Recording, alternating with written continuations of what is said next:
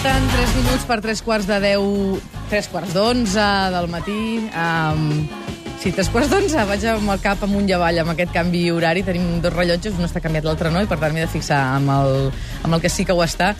I, evidentment, després del tema que acabem de tocar, estem tots plegats commoguts i un punt emocionats, però esperem que això pugui resoldre, com sempre, ho fa i posar-nos de bon humor la nostra cargol Duran, la Laura Duran, que ens explica coses noves i coses que potser alguns no coneixem, perquè ella se'n va cada cap de setmana a conèixer una nova manera de, de viure, de riure, anava a dir, Laura. Escolta'm, sí, sí, de riure, també, també, també, també de riure. Mira, Cati. coses, per exemple, sabíeu que no és obligatori anar a l'escola i que els fills es poden educar a casa?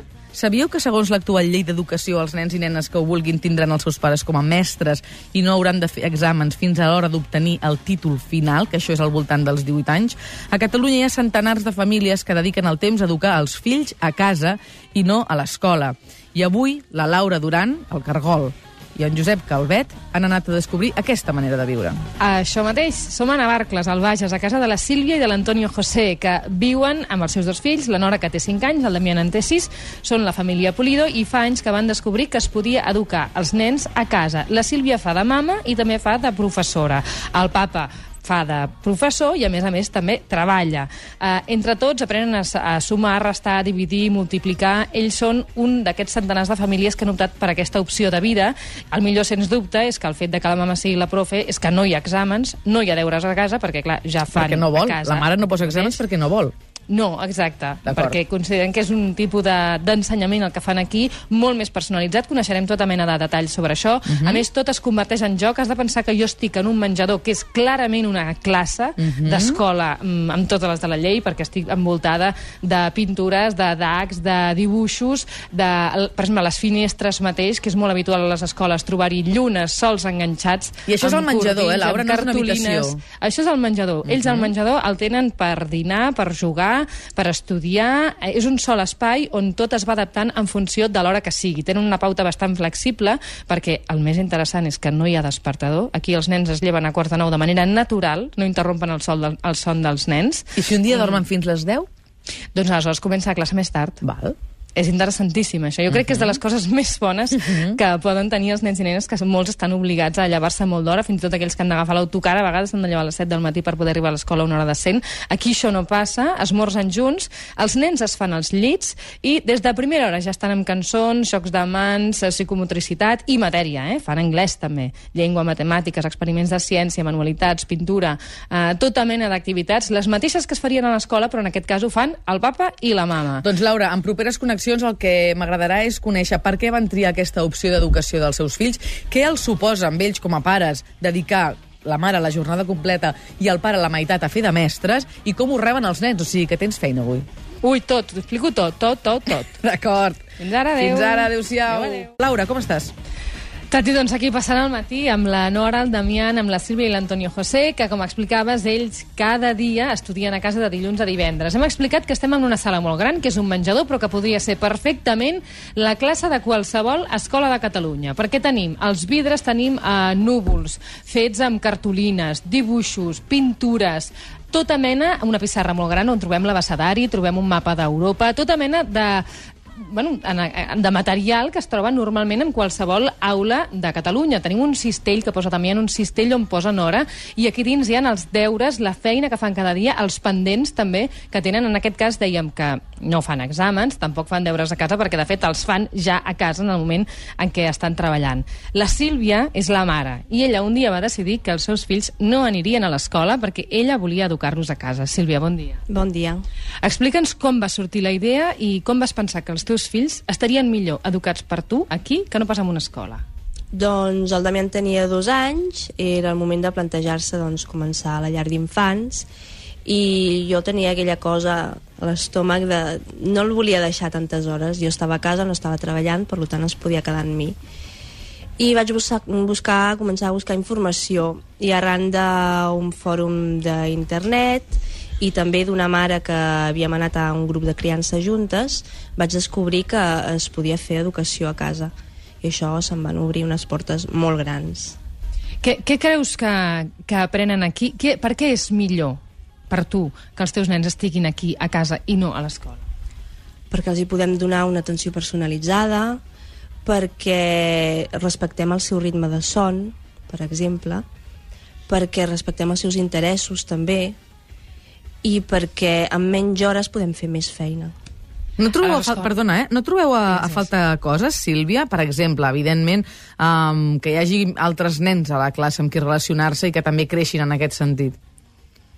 Evidentment, a l'escola tenen eh, aquest punt que nosaltres a casa no tenim, però mm, sí que els meus nens fan extraescolars i anem al parc i es relacionen amb, amb nens d'aquí de Navarcles que van a l'escola. Uh -huh. Llavors aquest punt no el tenim durant les hores de classe, però sí en altres moments. I la teva formació i la del teu marit, la de l'Antonio José, ho dic bé, oi? Sí, la de Sí. l'Antonio José. Um, com us heu fet per posar-vos al dia a l'hora d'ensenyar als vostres fills tot el que cal que aprenguin? Això ho vas, ho vas fent sobre, sobre la marxa, vas llegint molt sobre pedagogia, vas buscant molt material i fent moltes lectures per poder preparar-te doncs, eh, el que estàs fent ara i el que hauràs de fer l'any que ve o el mes que ve o el trimestre que ve. Uh -huh. Jo aquí davant tinc, per exemple, el temari de primer i segon curs de primària, que són uns dossiers que ells preparen. També tinc una llibreta que posa mama, on està separada per cinc pòstits diferents i cada pestanya és alguna de, o alguna de les matèries o alguna de les tasques que han de fer. Està tot molt organitzat. De fet, ella podria ser mestra amb la quantitat d'informació que ha arribat a, doncs, en aquest sentit a recopilar per poder explicar als seus fills. Fins i tot estan les matèries dividides, és a dir, que cada dia hi ha un horari que podria semblar perfectament el d'una escola, perquè justament feu això. Hem explicat que esmorzeu junts, que es fan al llit, que es lleven més o menys sempre a la mateixa hora, i aleshores divideixes el matí en matèries. Sí, comencem al matí amb el que diem la ronda o el circle time en anglès, que és quan fem cançons, fem joc de mans, eh, fem el calendari, el dia que és, el temps que fa, i llavors a primera hora del matí la dediquem a matèries més serioses, per dir, que és quan estem més concentrats, llengua, matemàtiques, i després continuem doncs, a, amb altres matèries o projectes que ells tenen, dibuix, pintura, mm, naturals, ciència, etc. Ah, da Damián, vine, vine cap aquí. Mira, que Tati, que li preguntarem al Damián si li agrada això. Espera, li deixarem també un casc amb el Damián perquè pugui escoltar la Tatiana. Perdona, abans, el Damián i la Nora sempre han tingut aquest tipus d'escolarització, eh? No, no saben el que és anar a l'escola per comparar, vull dir, eh? No, no, no, no, val, no, val. en aquest cas no. Tot i que hi ha centenars de famílies que han pres aquesta decisió justament després d'anar a l'escola. Ahà, val. Ells m'explicaven que, que l'Associació Catalana per l'Educació a Casa, justament molts nens doncs, doncs, han pres aquesta opció després de conèixer. En aquest cas, Damián, què tal és la mama de profe? Molt bé. Què he de dir, no? Clar, És mira. bona. És que som, és És mare i bona. profe, saps què et vull dir, no? Com per dir que no li agrada. I això de que la mama sigui profe a tu t'agrada molt, et renya que estigui com a profe, com a mama, com va això? Bé. Va bé i prou. A veure, jo vull que m'expliqui, per exemple, jo vull que m'expliqui el Damián què és l'última cosa que ha fet a, a, a casa seva, a la seva classe, amb la seva mare com a mestra. Quin és l'últim exercici? Ha pintat, ha dibuixat, ha escrit, què ha fet? Aviam, Damián, tu m'escoltes a mi? Sí, tant. Em sents, oi? Explica, explica. Explica'm què és l'últim que heu fet a classe amb la mare. Ara no se'n recorda. Ara no se'n recorda. I la Nora Per és més exemple, petitona? A mi, la Nora és més petitona, mm. té 5 anys. Eh, uh, Damián, a mi m'has ensenyat una cosa molt divertida de- d'Egipte. Explica què era això d'Egipte. Latbook. Què és un latbook? Per què serveix? Li fa com mandra, em sembla. Para, para saber cosas de Egipto, de las flores, de cosas. Val, són com una mena de cartolines on vosaltres enganxeu, oi que sí? Tot allò que la mare us troba sobre un tema. I quin tema estàs... eh, Per què t'agrada tant a tu aquest tema d'Egipte? A veure. No ho sap. A veure, que ho expliqui la Sílvia. Que ho expliqui la Sílvia. Uh, els lapbooks són això, són uns llibres que um, es fan als nens amb els interessos que tenen i a dintre recopilen informació sobre aquest tema que han escollit. En el cas del Damián doncs, sempre li ha agradat molt les piràmides per lo gran que són, lo impressionant que és com han muntat tot això i vam escollir aquest tema per fer una petita introducció a lo que és la història per l'edat que té. Hi ha un, un, un, més una, una última qüestió que, que ens queda el dubte, que és que ells no fan exàmens, tampoc no hi ha... Eh, el Departament d'Educació no ve aquí a casa a comprovar que realment aquests nens estan sent escolaritzats, no tenen un seguiment per entendre'ns oficial ni de l'administració.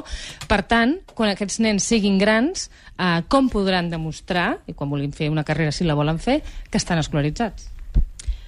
Eh, En això estem treballant. El mes de juliol passat va sortir la nova llei d'educació, en el qual es reconeix eh, l'escolarització no presencial, en la qual entrem nosaltres, i ara estem eh, en contacte amb la senyora Rigau, en vista de que podem veure-la a ella o a la persona que ens hagi d'atendre doncs, per fer aquesta regulació poder fer un registre de famílies que eduquem a casa i poder doncs, eh, fer d'alguna manera que ells puguin obtenir la seva titularitat d'ESO eh, quan tinguin els 16 anys, cosa que ara no pot ser.